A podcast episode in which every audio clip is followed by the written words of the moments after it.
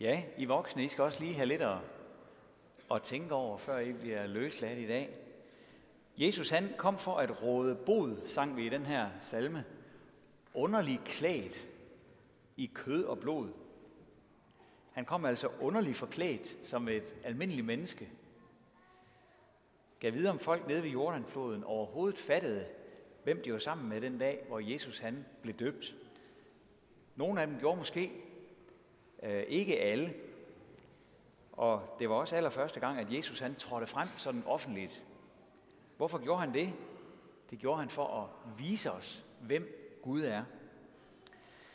Der er et sted i øh, Hebræerbrevet, hvor der står, Ingen har nogensinde set Gud, den enborne, altså Jesus, som selv er Gud og som er i faderens favn.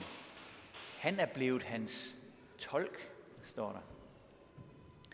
I udgangspunktet, der kan vi mennesker hverken se eller forstå Gud, men det bestemte Gud sig altså for at lave om på. Han har besluttet, at vi skal kunne se ham, at vi skal kunne forstå hans budskab til os. Og det er derfor, han sender Jesus til jorden. Jesus han skulle oversætte Gud for os, sådan at vi kunne se, hvordan Gud er og høre, hvad det er, han vil os.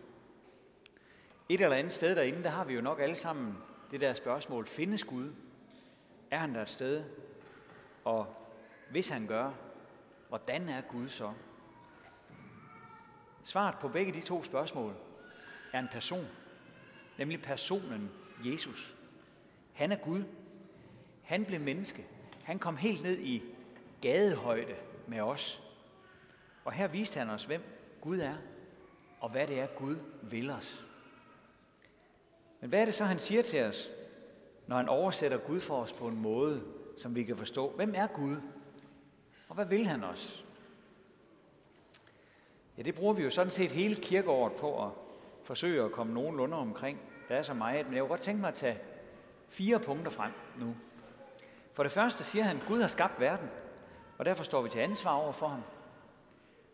For det andet, at vi har svigtet det ansvar, vi fik og vendt os bort fra Gud. For det tredje, at Gud stadig elsker os, selvom vi har vendt os bort fra ham. Og for det fjerde, at han har sendt Jesus, for at vi kan blive forsonet med Gud igen. Og det er vel at mærke ikke bare sådan nogle, nogle ord, Jesus slynger ud, når han oversætter Gud Faders budskab til os. Han sætter handling bag. Han viser det altså også i de gerninger, som han gør. Det der med, at Gud har skabt verden, det viser Jesus faktisk i en handling, da han går på vandet. Da Jesus han går på vandet, der viser han, at han har magt over naturen, over naturlovene. At han er den Gud, der har skabt verden og som hersker over naturlovene. Det andet, det der med, at vi har vendt os bort fra Gud, det viser han os en løsning på. Han forkynder, at vi skal omvende os, altså skifte retning i vores liv, og at vi må få søndernes forladelse, altså at vi må få tilgivelse af det oprør, der er sket, vores oprør mod Gud. Den tredje ting, det med, at Gud han elsker os, det viser Jesus også på mange forskellige måder. Han gør godt imod mennesker, både når vi har åndelige problemer, men sandelig også når vi har almindelige, håndgribelige problemer. Masser af eksempler er der på det i vores nye testamente. Og den fjerde ting, det der med, at han vil forsone os med Gud, det skærer han ud i pap for os ved at betale for vores oprør, da han går på korset og bliver en lynafleder for os. En lynafleder, som vi må få lov at få læg under resten af vores liv. Jesus han er Guds tolk, og sikke et stykke tolkearbejde, han udfører der. Det er virkelig et stærkt budskab, han kom med. Ham, der trådte frem ved Jordanfloden og blev døbt. Nogle helt nye muligheder for menneskeheden, inklusive dig og mig. Så hvor var det godt, at han kom underligt klædt i kød og blod, altså forklædt som en helt almindelig mand her til denne verden, for at give os alt det, som der skal til for, at vi kan blive frelst. Jesus han er frelseren. Han er den eneste, der kan frelse os.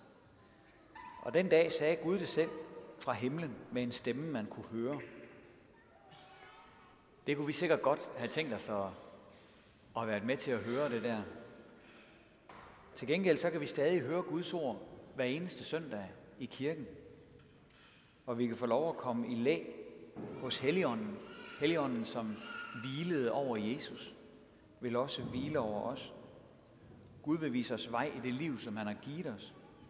Så lad os sige ham tak for det og bede en bøn.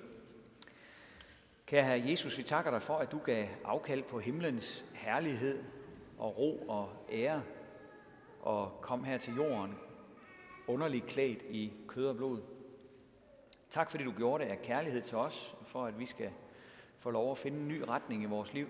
En retning, der fører til det evige liv. Vi beder om, at vi alle sammen må komme med der. Amen.